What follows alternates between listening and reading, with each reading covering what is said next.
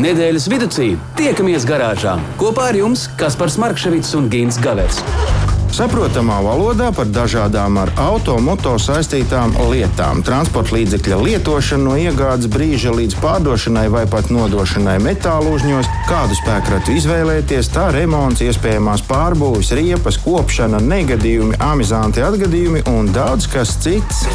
Garāžas sarunas Latvijas Rādio 2 ēterā, trešdienās, septiņos vakarā.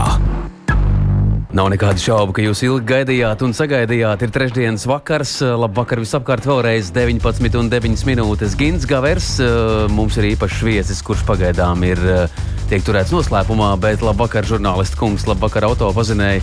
Mēs jau tā teikt iesākām šī vakara garāžas sarunas. Mums ir arī pirmie klausītāji jau sarosījušies un gatavi jautāt par sāpīgām, aizraujošām, varbūt arī interesantām tēmām. Bet kā nedēļa ir rezertējusi? Sveiki visiem, sveiki, kas par sveiki arī mūsu īpašajam viesim. Un es domāju, ka nav ko turēt sveci zem pūra, tāpēc, ka šī saruna, es nevaru sagaidīt, kad viņa mums sāksies.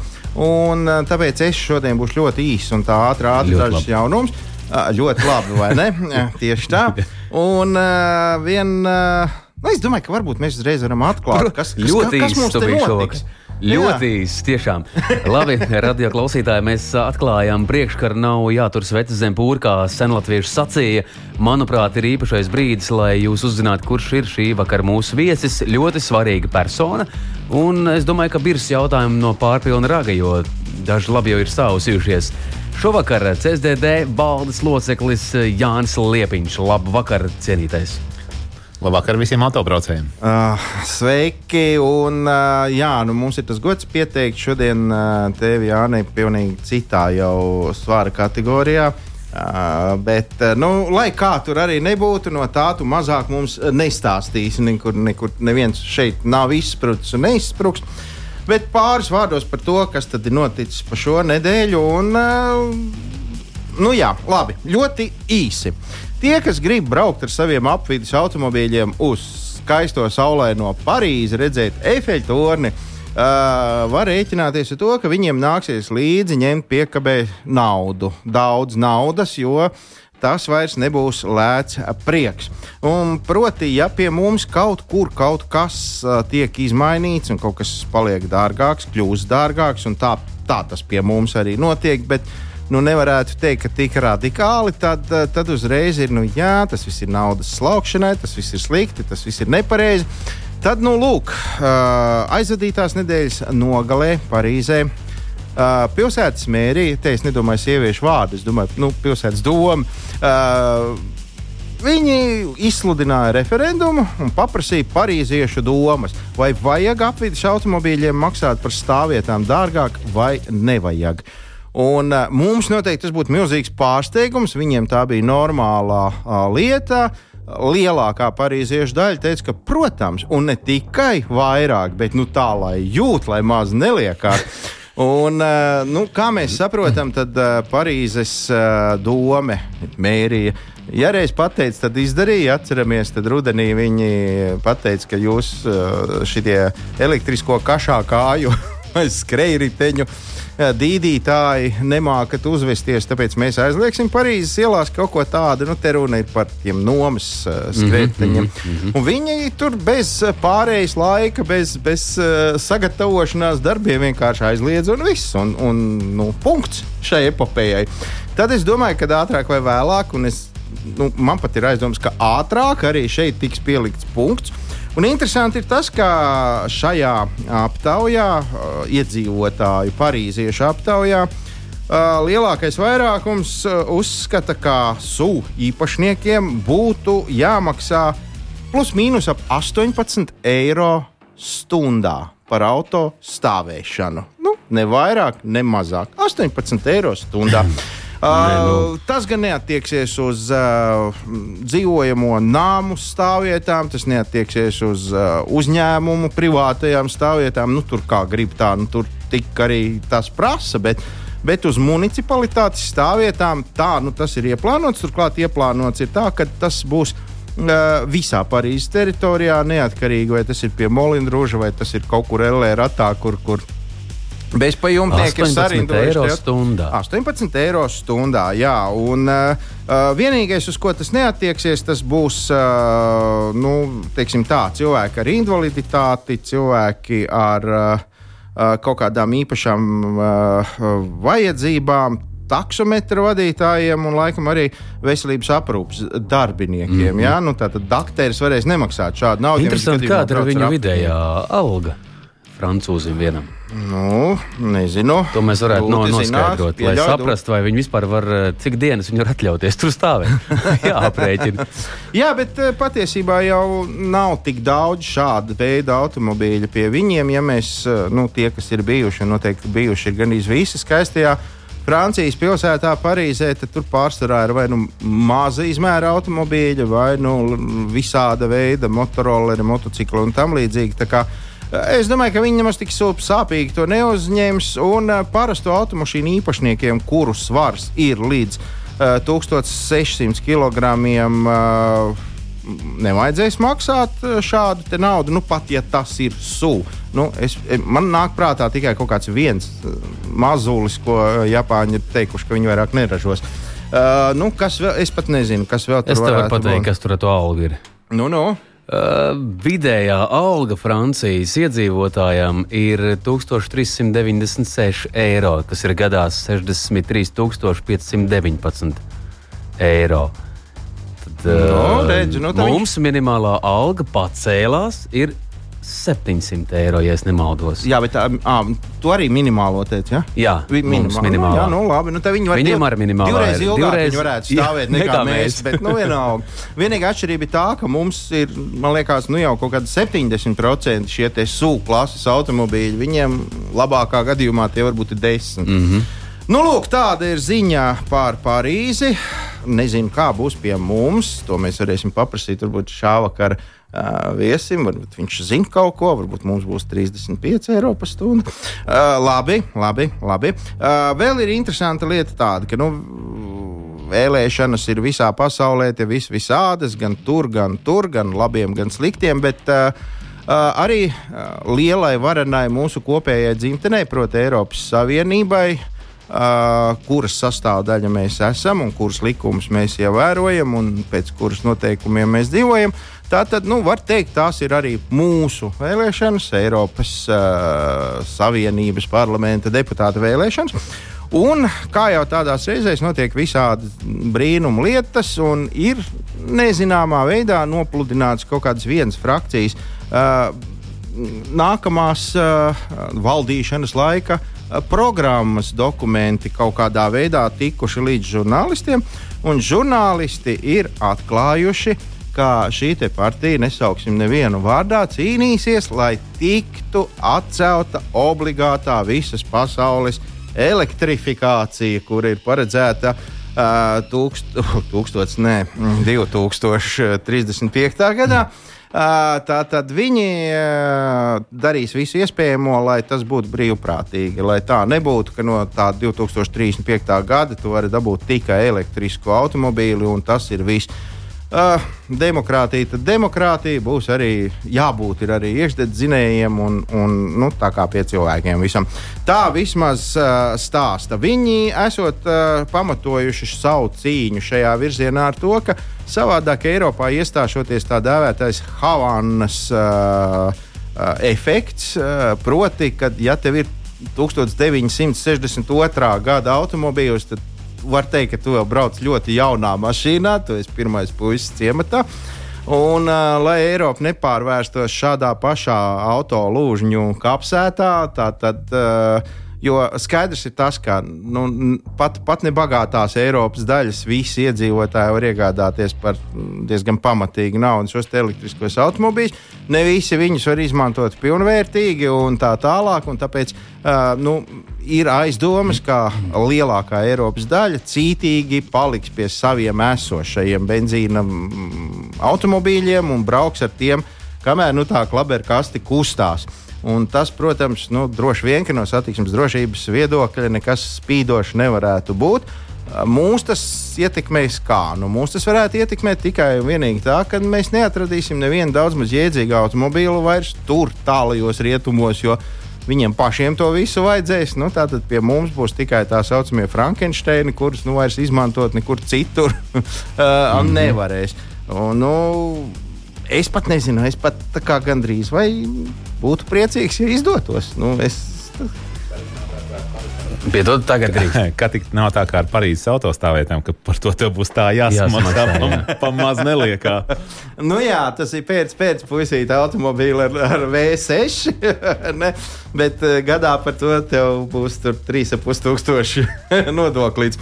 Nē, visādi var gadīties, bet, nu, jebkurā gadījumā tādas interesantas lietas notiek pasaulē, un vairāk jūs neizspiedīsiet no manis ne vārda. Ļoti jo... jauki. Ne, man patīk pabūt arī Parīzē. Es atceros tikai to vienu brīdi, kā Parīzē pārsteidz mani vienā kailā naktī, tad, kad man vajadzēja taksometru. Kurš no jums bija kails? Uh, nakts. Ah. Un uh, es toreiz atminos, ka varējām vicināt roku. Es nezinu, kā ir Rīgā šodien, vai jo es ar taksometru, ja mēs izmantojam taksometru, mums ir viena konkrēta aplikācija, kurā mēs taksometru izsaucam un uh, mm -hmm. dodamies ceļā. Toreiz, kad es biju Francijā, pirmo reizi man vajadzēja no punkta A uz punktu B, melnu naktis, tu esi tur tā teikt, teju viens. Nu, visapkārt ir dažādas um, rases un vispārējais, un skaļi un trobēlis jaunais gads notiek, gaidīšana notiek. Un trobēļi sākās, jo salūta nešauja Francijā. Tas tā kā aizliegts. nu, tad vietēji izdomā paši kaut kādas versijas, kā varētu izšaut kaut ko un tā. Un es domāju, jāķer taksē ausis un jābrauc mājās. Neviens neapstājās. Neviens roku vicināt nav jēgu, taksometri nereaģē. Viņiem uh, ir tikai un vienīgi viena konkrēta aplikācija, kurā tu mm -hmm, drīkst dabūt mm -hmm. un tikt pie taksometra. Tāpat ot, pamāt ar roku, uh, tas diemžēl negāja cauri. Un, um, zinot, kā es tiku līdz uh, viesnīcai, kas bija 20 km attālumā no tās manas vietas. 9 stundas ar kājām, uz sēdes krastu. Nē, es biju tik apņēmīgs, ka es iekāpu vienā rūcošā mašīnā, kur rūcēja. Tur bija viens jauns džeks, atbraucis uz bāru pakaļ saviem draugiem. Viņš bija pārbies, mēs ievēlāmies vairāk tajā mašīnā un parādījām viņam adresi, uz kurien jābrauc. un tad mēs braucām, braucām. Tas stāsts dzīves. Uh, pēkšņi mums pašiem sāk palikt diezgan dīvaini, jo mēs braucam un paši nesaprotam vairs, kur viņš mūs ved. Un tad jau bija tā sajūta, ka nu beidzot būs. Nu, būs, nu, tur, nu, būs, būs jā. Jā. Un beigās mēs nonākam pie tās savas viesnīcas. Tas džeks ir pārbijies. Viņš mūs, ir mūs aizvedis līdz tai viesnīcai. Vienīgais, ko viņš paprasīja, viņam nauda neinteresē, vai nevar dabūt uzpīpēt. Tā, nu, tas, bija, tas bija tas piedzīvojums iz Francijas, tāpēc um, baudām to, kas mums ir šeit. Šī nu, brīvība. Nākošais dodies uz turieni ar lielu apvidnieku, un tad tev dzīve liksies daudz rožaināk. Labi, bet pēc brīža radio klausītāji pievienojieties arī jūs par dzīves stāstiem un ar jautājumiem. Tātad CSDD valdes loceklis Jānis Liepiņš ir gatavs atbildēt uz uh, jūsu iespējams sarežģītajiem jautājumiem, varbūt uz tādiem, kurus nevar tā vienkārši noskaidrot laiks pievienoties mums. Garāžas sarunas. Nedēļas tēmā. Labi, ķersimies klāt, kungi. Mēs te aizkadrā varējām pārunāt visādas dzīves ainas un gadījumus, bet uh, radio klausītāji, jūs esat galvenie šī vakara raidījuma satura veidotāji, jeb šo jautājumu uzdevēji. Tad uh, lūdzu, 2931, 222, durvis ir atvērtas. Tieši tā, neko sev neatsakiet. Uh, Telefona līnija pieņems jebko Ko? tā teikt. Mm. SMS pacieš jebko. Jebko. Bet savukārt uh, šobrīd ir ziema, tad būs pavasaris. Tibetas gudrie saka, ka pēc pavasara reizēm nākot vasara. Un to mēs varam vienkārši paralēlos ātri savilkt ar to, ka tagad mums ir vajadzīgas ziemas riepas, tad mums būs vajadzīgas vasaras riepas. Un, un ne tik ilgi, jo tā vasara jau Latvijā nav baigta garā, atkal mums vajadzēs ziemas riepas. Jāni, lūdzu, ievies skaidrību. Kā ir ar tām riepām? Tur kaut kādas izmaiņas gaidāmas, cik tas ļoti mūs ietekmēs salīdzinājumā ar to, kas ir šobrīd, vai, vai tiešām viss ir slikti. Vai... Nu, jā, ja mēs runājam par riepām, tad pats būtiskākais ziemas riepām šobrīd ir kāds nosacījums. Tātad lielākā daļa visi saka, ka M plus S ir jābūt virsū, uh -huh. un nu, mēs runājam par viegliem automobīļiem. Tātad, un 4 mm protektoru dziļumam, kā minimums būtu jābūt. Tas ir, ir pēdējā kritiskā robeža. Tas, kas šogad mainīsies jaunajā ziemas sezonā, tā saucamajā 1. decembrī, ir tas, ka jāpievērš uzmanība, vai tā ir riepai blakus, ir arī apzīmējums, tāds kalnu simboliņš ar sniegpārslīm. Mm -hmm. No prakses uzreiz ļoti daudzi uh, autovadītāji arī uz CSD raksta un interesējās, vai tagad visas riepas, kurām ir M plus S marķējums, būs nedrīkst. Nē, no prakses 99,5% faktiski riepu ir ar šiem abiem marķējumiem. Tātad neuztraucaties, lielākā daļa visas riepas ir arī ar šo kalnu simbolu. Jā, šis riepas protektors tiešām ir paredzēts ziemai. Tie daži izņēmumi, kas ir gadījušies, kuri ir konstatēti uz ceļa, eh, tāpēc arī veiktas bija šīs izmaiņas likumdošanā, lai cilvēks nenopērk ar domu ziemas riepas, bet patiesībā viņam ir tikai M plus S2 burtiņi virsū, bet tas protektors ziemā, tā kā šodien vai vakar sniegotā laikā, automobīlu netur uz ceļa, un tas automobilis paliek bīstams. Kaut gan zemniekam liekas, ka viss ir kārtībā, taču tie divi. Tie, tie divi izslavētie burti ir uz tās riepas virsmas. Jā, jā, tas mums ir maģiskais šifrs, plus S. Tātad bet... atcerieties, kalnu simbols ar sniegpārsliņu. Lielākai daļai tas ir, bet uh, jūs drošības labāk paši varat par to pārliecināties. Nu, visticamāk, tas varētu būt aktuāli tiem, kas jau brauc ne pirmo sezonu ar tām riepām. Jo nu, gan jau pēdējā laikā jaunas pirktas riepas būs vairāk vai mazāk. Nu, nezinu, no prakses mēs varam pateikt, mēs esam pārbaudījuši pirms šogad ziemā vairāk nekā 6000 automobīļu un konstatēts ir, ka laikam desmit automobīļiem, kuriem nebija sniegpārsliņa virsū uz ziemas riepām. Super, par to pārbaudīšanu es noteikti vēl kaut ko gribēšu zināt, bet uh, uz vasaras riepām nekādi jaunumi nav. Tur tikai mēlns un tikai ir kāds milimetrs. Tātad uh, uz vasaras riepām nekas jauns nav. Tieši kā tu teici, uh, minimālais protektora dziļums ir 1,6 mm. Un ir nosacījums, protams, ka jūs arī tā, tās pašas savas vecās, nu, ne vecās, bet nolietotās ziemas riepas jūs varat nobraukt arī vasaras periodā, ja viņām ir šis pie, nepieciešamais protektora dziļums. Izņemot vienu nosacījumu. Protams, kad ar radzēm jūs vasarā nedrīkstat braukt. Uh, jā, es zinu, ka vīri, viedie vīri ņem tavu kā plaķenes, sēž un tīrā ārā uh, rādzis. Tā kā, ja kādam nav slinkums, to droši var darīt, bet, nu, jebkurā gadījumā vasaras riepas vasarā noteikti ir drošāks risinājums. Uh, Riepas tas ir, nu, es laikam teikšu tā, tas ir pats svarīgākais satiksmes drošības nosacījums, jo, nu, tomēr tas ir, tas ir kontakts ar zemi. Uh, savukārt, manā izpratnē, nākamais svarīgākais solis ir gaismas. Uh, ja tu neko neredzi un tev lāgi neviens neredz, tad nekas prātīgs no tā visa nevar sanākt.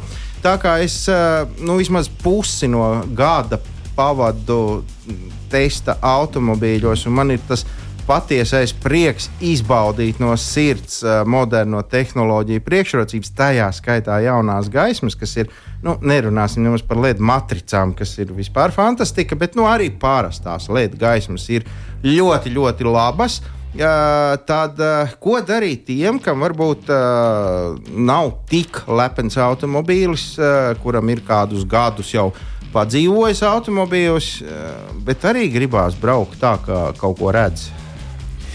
Nu jā, līdz šim lielākoties diskusija par LED spuldzēm, kuras varētu ielikt vecajos lukturos, tā saucamajos H4 vai H7 mm -hmm. spuldzes, ja, ja auto, auto vadītāji droši vien zina to. Tad um, līdz šim tādas bija tikai Ķīnas ražojuma, kuras nebija certificētas. Tā bija galvenā problēma. Tāpēc tāds faktiski diskusija par LED, LED spulģu ielikšanu vecajos lukturos nebija iespējama. Uz doto brīdi Eiropas ražotāji sasparojušies. Uh, gan Osram, gan Philips ir, ir veikuši dažādus testus. Bet tie testi, teiksim, ir uh, tādā nacionālā līmenī, un tas nozīmē, ka, uh, lai tādas spuldzes ievietotu automobīļos, ir jāveic vēl kā, uh, papildus pārbaudes.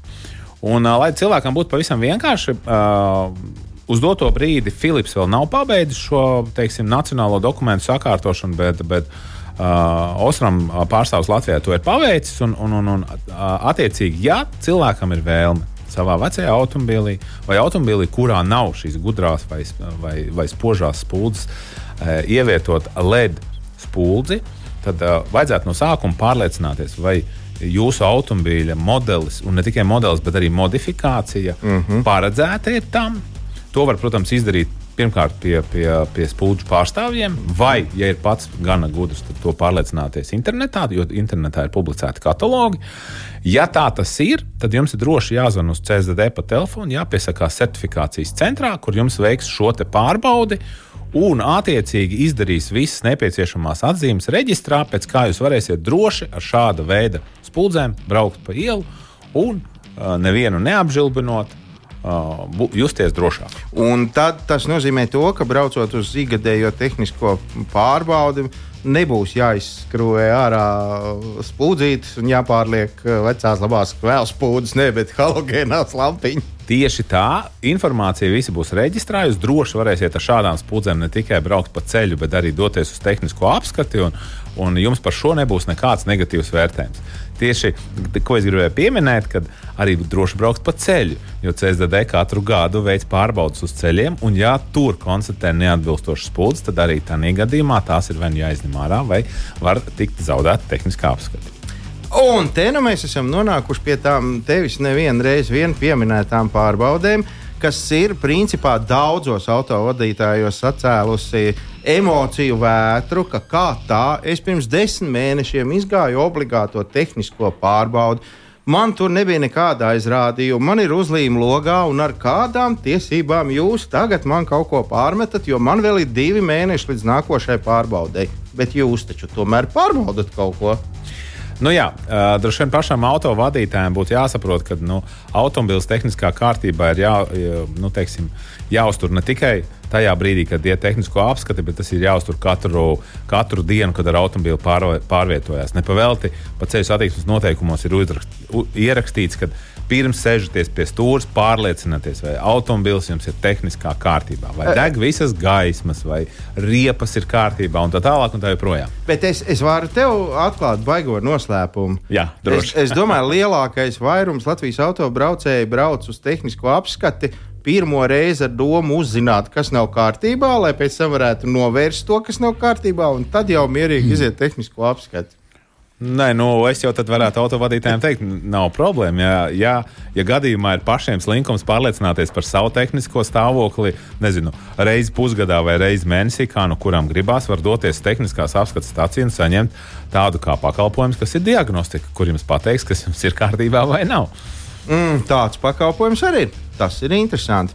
Bet, nu, labi, kā tas notiek? Kā mani var apturēt jebkurā Latvijas vietā un, un teikt, nu, ka parādi savu kardānu krustiņu stāvokli? Nu, tā tad lielākoties ir tādi tā divi virzieni. Viens ir kravas automobīļu pārbaudas, kas ir tāds kopējs Eiropas nu, teiksim, mērķis panākt to, ka kravas automobīļi tomēr visā Eiropā ir vienādi, jo šiem automobīļiem ir ļoti liels uh, kilometru nobraukums, mm. tur iet miljonos un tā tālāk. Tāpēc, un, un arī svars, ar kādu viņi pārvietojas, viņi ir uh, nu, paaugstināts bīstamības objekts. Tāpēc visā Eiropā notiek šādi reidi un tiek automobīļi pārbaudīti. Tieši tāpatās arī visā Eiropā lielākoties tiek pārbaudīti arī vieglo automobīļu tehniskais stāvoklis. Bet šur uh, uh, tas tiek vairāk nu, fokus, fokusēts tādās kampaņu veidu pārbaudēs. Mm -hmm. nu, Uh, mēs, piemēram, veicam kampaņu vienu pārbaudas attiecībā par ziemas riepām. Uh, iepriekšējā gadā bija veikti gan izvēle 8000 pārbaudas uz doto brīdi. Līdz uh, februāra sākumam teiksim, šajā ziemā bija veikts vairāk nekā 6000 pārbaudas. Kā, nu, mērķis ir panākt to, ka uz ceļiem nav automobīļiem, kuriem ir neatbilstošas riepas. Par, par lielu nožēlu, protams, ir jāsaka, ka nu, ir noteikts skaits pārbaudītu automobīļu, kuriem riepas stāvoklis ir tik slikts, ka ir bijis pat jāatvadās no numuru zīmēm, ko tas nozīmē. Automobilis turpmāk nevar braukt, ir jāsauc evakuators, un automobilis tiek aizvests, protams, ar evakuatoru. Tiem, kam ir, piemēram, slikts protektors, bet nav kritiskā stāvoklī, tad tiem tie zaudē vienkārši tehniskās apskates uzlīmi.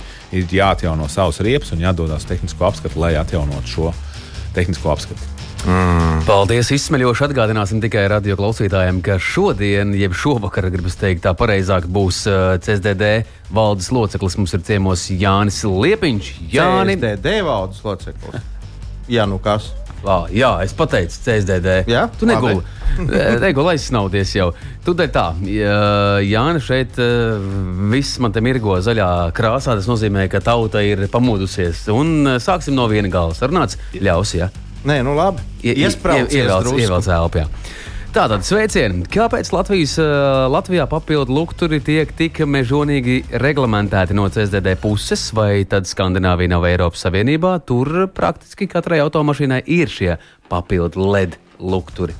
Nu jā, Latvijā teiksim, tā gaismu normatīv, normatīvs ir atbilstoši starptautiskajiem normatīviem un, un tieši tādiem pašiem kā uh, Lietuvā, Polijā, Vācijā un tā tālāk.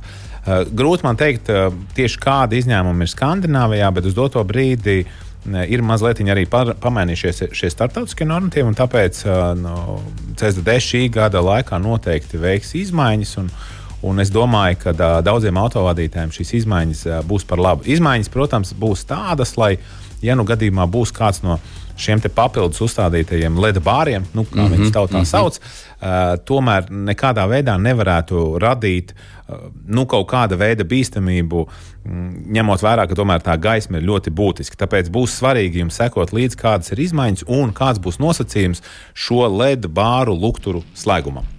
Paldies! Mm -hmm. Šeit ir viens ļoti tehnisks jautājums. Iespējams, ka Jānis to ar to tiks galā. Labvakar! Um, jautājums, Jāni, tieši tev ir adresēts precīzi. Kāds status ar 60T un 25M sastāviem Latvijā vai CSDD kopā ar valsts ceļiem ir sākuši izsniegt atļaujas, brau atļaujas braukšanu šādiem te transporta līdzekļiem 60T?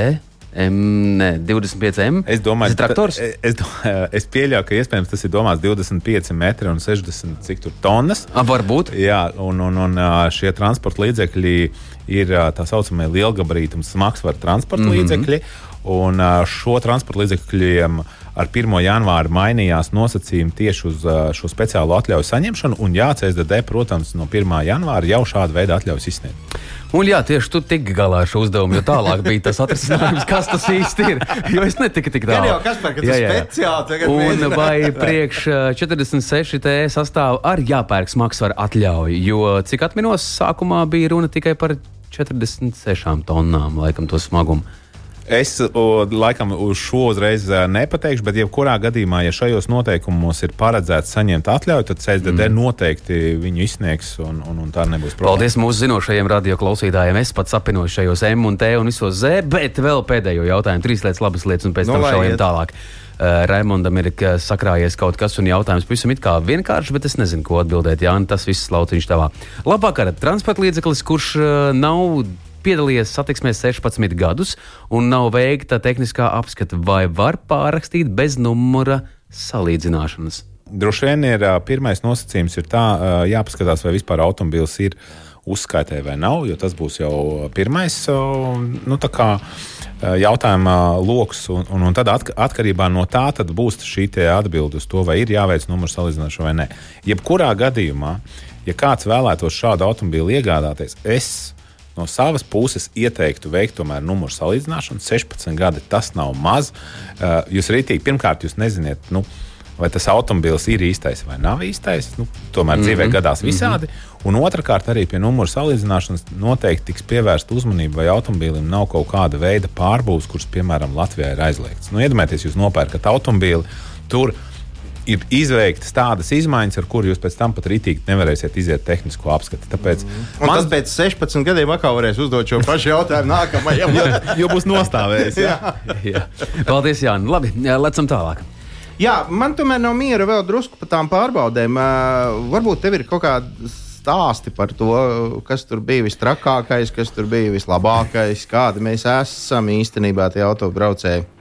Nu, jā, ja mēs runājam par tām pār, pārbaudēm uz ceļa, tad uh, vieglu automobīļu lokā tas uh, lielākoties, protams, ir izplatītākais uh, teiksim, riepu problēma ziemā. Uh, tad uh, otra lieta, protams, ir uh, gaismas.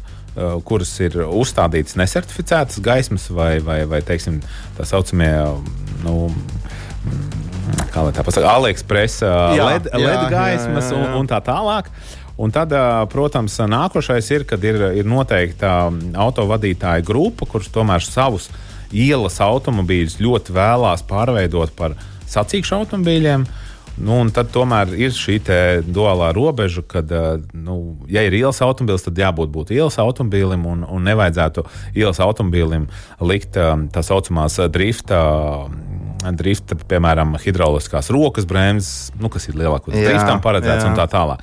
Tā, tā ir tāda noteikta grupa automobīļiem. Nu, jā, un tad droši vien tie, kas arī cenšas uh, tuvināties tiem sporta automobīļiem, tad, tad ir, ir tāda vēl viena grupa autovadītāji, kur cenšas savus izplū, iz, izpūtējus pārveidot tā, lai, tā caurulis, uh, lai tādas uh, skaļums būtu ļoti tūs rallija vai rallija krosa mašīnām, bet, bet, bet nu, rezultātā, protams, droši vien jebkuram iedzīvotājam tas atkal rada papildus stresu. Jo, par ko mēs šobrīd runājam pilsētā, kā ir samazināt šo trokšņa līmeni, nevis mm. palielināt, lai tomēr mēs viens otram vairāk uzsmaidītu, kā tas notiek ārzemēs, nekā, nekā dusmīgi skatītos viens uz otru kā uz ienaidnieku. Jā, bet tādas lietas kā kaut kādas eļļas noplūdes, kā kaut kādas tam, tādas arī var uz, uz, uz, uz ceļa konstatēt. Nu, ja vien pēķa nepaliek apakšā, kamēr viņš stāv. Jā, es teiktu tā, ka. Uh, tādas gadās, bet tas ir retums. Mm -hmm. Lielākoties tās noplūdes nav tik kritiskas, lai tajā brīdī jums uh, nāktos zaudēt teiksim, tehniskās apskates uzlīmu un, un, un mhm, šādi mm -hmm. jau būs, justos sarūktinātam. Uh, Es teiktu, nu, teiksim, vasarā lielāks fokus ir pārbaudējis uz, uz uh, motocikliem. Jo, kā zināms, uh, motocikliem bieži patīk paslēpt savus numurus, arī uzlikt kaut ko mhm, skaļāku, mm -hmm. lai būtu dzirdams uh, teiksim, visi logi norībēti tā kārtīgi, ka viņš nobrauc garām. Arī gaismiņās, gaismu ierīcēs ir šādi problēmas, bet, bet lielākoties es teiktu, ka nu, pēdējos gados gribētu lepoties ar to, ka motobraucēji arī paliek nu, teiksim, saprotošāki un nemēģina savus motociklus mainīt ne uh, normatīvo aktu ietvaros. Tātad, ja mm. uzliek kaut kādu šo tuningu aprīkojumu, tad tas ir tādās robežās, lai tiešām varētu mierīgi braukt un, un, un izturēt jebkuru. Nu, vienkārši laikam šī slimība lēnām tiek izslimota. Un, un... Es domāju, ka šeit ir divas lietas. Pirmkārt, kontrole dod savu rezultātu. Nu, nu, kā, nu, ir nepatīkami atkal lietas virsū, atkal lietas atpakaļ, lietas virsū, lietas atpakaļ. Un otra lieta, protams, arī uh, cilvēki paliek apzinīgāki un tomēr saprotošāki viens pret otru, kas mm. mani priecē visvairāk. Tas noteikti ļoti priecīgi. Bet mums ir arī atrakstījuši šādas tādas um, jautājumus pirms raidījuma jau. Un, piemēram, viens no tiem ir tas, ka uh, parastam automobīlim es varu doties pie jums un uh, palūgt man par zināmu atlīdzību, izgatavot numuru zīmi, kāda man patīk. Nu, piemēram, nezinu, Dunduks 2024. Vai kaut ko līdzīgu var izdarīt arī elektriskajiem automobīļiem? Jo cik es esmu pamanījis, tur viss sākās ar EX pagaidām. Ne? Ne, ne, uh, arī ir šis pats nosacījums, attiecās arī uz elektromobīļiem. Un elektromobīļiem arī ir tas otrs nosacījums, ka, ja jau ir kaut kāds esošs savs, sava numuru zīme, un tad nopērkot elektromobīlu, to numuru zīmi var arī uzlikt uz, uz savu nākamo elektromobīļu. Tikai tā viņi būs zila. Jā, viņi tad ir speciāli uh, pasūtīti un tiek izgatavoti un uzstādīti virsū. Nu, jā, nu, ja nu kāds akurāti grib, lai viss pasaule zinātu, ka viņš ir Pēters, tad. tad, nu, tad jā, jā, jā. jā, jā. Aidā, Bet uh, par numuriem paturpinām. Mums Labi. uh, radio klausītājs ir vai klausītāja. Labvakar, ja auto netiek lietots kopš 2010. gada, bet nav noņemts no uzskaites, vai var to izdarīt, ja nav saglabājušās numurzīmes? Te parādās no... jautājums. Droši vien man uzreiz nebija skaidrs, kāpēc viņai vēlme ir noņemt no uzskaites. Iespējams, uh, sieviete bija domājusi par automobīļu norakstīšanu. Ja, tad, ja mēs, nu, ja nav numuru zīmes un automobilis tik ilgi stāvēs, lielākoties tad automobilis ir jau pārvērties par kaut kādā noteikta veidā. Vēsturiski pieminiektu. Jā, vēsturiski pieminiektu. Jā, un, un, un tad uh, lielākoties jau cilvēkam gribas sakārtot, lai uh, uz viņu neskaitītos nekāds automobilis, kurš realitātē jau beigās nav, mm. jo varbūt tās jau ir, nezinu, varbūt par rezerves daļām iztirgots. Un, uh, attiecīgi, šajā kā, šeit uh, ir pastāv kārtība, kāda automobila var norakstīt. Tas nozīmē, ka automobilis neatgriežas satiksmē, tas tiek norakstīts. Uh, ir noteikta samaksa, jo tur ietilpst arī darba, dabas resursu nodoklis. Jo, ja automobīlu jūs nododat autokapsētā, tad tālāk ar šīm visām procedūrām, formālajām nodarbojas tā saucamā autokapsēta. Bet, ja jūs, jums pašiem ir stāvējis tik ilgi tas automobīls, jums pastāv iespēja, bet vienkārši būs jākār, jāsakārto mm -hmm. šī formālā puse. Bet teorētiski varētu būt, ka šķūnītas auto stāvēja, neviens viņu pat no uzskaitas nav noņēmis. Nu, vienkārši nebrauc uz tehnisko un viss. Jā. Tā, tā, tā arī tā tas varētu būt. Jā? Tā ir, jā, bet uh, vēl viens jautājums, tas gan, manuprāt, ir uh, varbūt mazāk ārpus šī visa, bet tomēr kādas ir uh, Jānis Tavs domas. Uh, labvakar, gribēju pajautāt uh, tādu lietu par tiem dzērāju šoferiem. Tik, tikko atkal viena čūpiņa saķēra. Nu, tad par viņiem. uh, varbūt beidzot ir jāpieņem likums, ka tiesības atpakaļ nevar dabūt, un ne par kādu naudu nokārtot no jauna to nevar. Ja mēs paskatāmies, uh, neteiksim, ne, ja es neatbildu teiksim, kā savu uzņēmumu pārstāvis, bet paskatāmies šo jautājumu tīri cilvēciski, tad kas šobrīd vispār notiek sabiedrībā? Sabiedrībā notiek to, ka jebkuram, nu, jebkuram cilvēkam var bi, varētu būt bijis gadījies jebkas, vai tā ir krimināla atbildība vai kāda cita atbildība. Un arī par to šobrīd ļoti daudz jau, jau ne tikai diskutē, bet jau ir panākts, ka ir kaut kāds periods, pēc kura tu vairāk nevari teikt, jā, cilvēks bija sodīts un tāpēc mm -hmm. nu, pret viņu ir jāvēršās kaut kā. Nu, šeit es teiktu, ir ļoti tas, tās līdzības tādas pašas, vai tā ir krimināla sodāmība, vai nu, ir gadījies kaut kādā šādā veidā. Tur, tad... Bet mēs varētu ielikt aiz komata punktu, kurš paredz, ja tu esi divreiz noķerts. Nu, otra, nu, vienreiz dzīvē mēs labi pieļaujam jebko. Paslīdēji, tā, tad jau. Tad bet tie regulāri dzērāji jau tiek nu, atkal, ne? ne, nu, uz doto brīdi vispār šis jautājums ir ļoti aktualizējies. Un, un saimā juridiskās komisijas ietvarā par šo tiek diskutēts ne tikai par termiņu, uz kādu atņem, bet arī par naudas sodiem un, un, un tām kopējām soda paketēm, teiksim, mm. tā, kas iet vienlaicīgi ar to, ja, ja tiek konstatēta braukšana dzērumā. Tas jautājums ir aktuāls. Uh, Noteikti jūs droši varat rakstīt saimnes deputātiem, sevišķi tie, kas ir juridiskajā komisijā, kur ar šo jautājumu tieši likuma ietvaros nodarbojas. Jā, varbūt pārakstus galu galā. Klau, bet man ir vēl viens jautājums par uh, automobīļiem, kas nāk no kaut kādām tālām zemēm. Nu, mēs visi atceramies, pavisam nesen viens kungs gribēja reģistrēt kaut kādu amerikāņu briesmoni ar milzīgu motoru, ko viņš bija nopircis Lietuvā, bet kas tur bija reģistrēts, te nebija un kaut kas tur sagāja greizi. Un, Un tad nu, bija vesela emocija vētra. Vai tu, Jāni, vari atgādināt īsumā visiem, kā jārīkojās tad, ja automobīlu mēs iegādājamies tajās zemēs, no, nu, kas neatbilst Eiropas Savienības prasībām? Līdz ar to tā, tad, nu, mums šobrīd nav iespēja viņus pieregistrēt, ja vien mēs neizdarām kaut ko. Nu, jā, nu, droši vien tās, tā, tie, tās atslēga, atslēga lietas, ko es gribētu teikt, nu, tātad lielākoties automobīlu atvedot no Krievijas, tur vispār varētu būt daudz dažādu pārsteigumu, un es par to nevarētu viennozīmīgi atbildēt, vai tādu vispār varētu nosertificēt mm -hmm. Eiropā.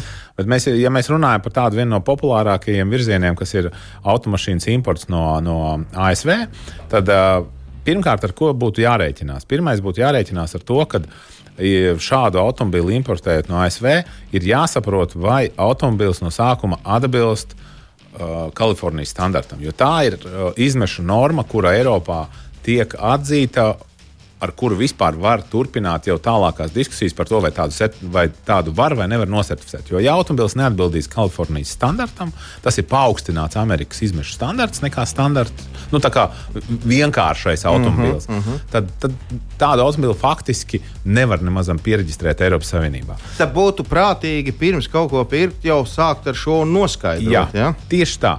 Un, un tālāk, jau, ja šis automobilis atbilst šiem te, tā saucamajam Amerikas Kalifornijas standartam, tad attiecīgi nākamais solis ir vai no automobila var notestēt. Teiksim, CSDD veids šādus testus, vai var vērsties teiksim, pie uh, kādas no Vācijas laboratorijām. Šobrīd mums ir noslēgts līgums ar Dekru, kur arī var veikt testus un, attiecīgi, tad jau pabeigt šo certifikācijas procesu. Mm -hmm. nu, tas gluži loģiski maksā naudu. Tas nav tā kā nu, aiz, aiziet te. Bet lielākoties ir jautājums, kāpēc tu izvēlējies Amerikas automobīli importēt šeit iekšā? Nu, dēļ atkal ir otrs, tieši tas pats, dēļ tās naudas. Nu, jā, bet dažkārt jau nu, gribas to. Nu, tur, tur tomēr ir tāds... par baudu vecīt jāmaksā. Ir ne, par jebkuru. Ja tu negribi braukt kā visi, tad, tad nu, tā es vaļā māku. Jā, Skaidrs, nu, labi, tā ne... nu tas laiks mums te skrien uz priekšu. Un, bet saki, lūdzu, vai es varu Teslā, piemēram, ielikt uh, uh, uh, benzīna motoru?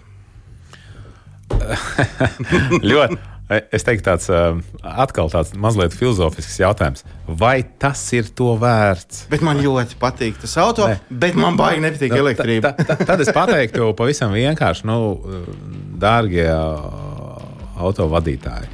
Iedomājieties, tagad Tesla noteikti būtu kaut kāda 18, 2018, 2017, 2019 gada. Tad tas nozīmē, jums ir jāatrod, autom, jāatrod tāds motors, kas ir tā gada faktiski.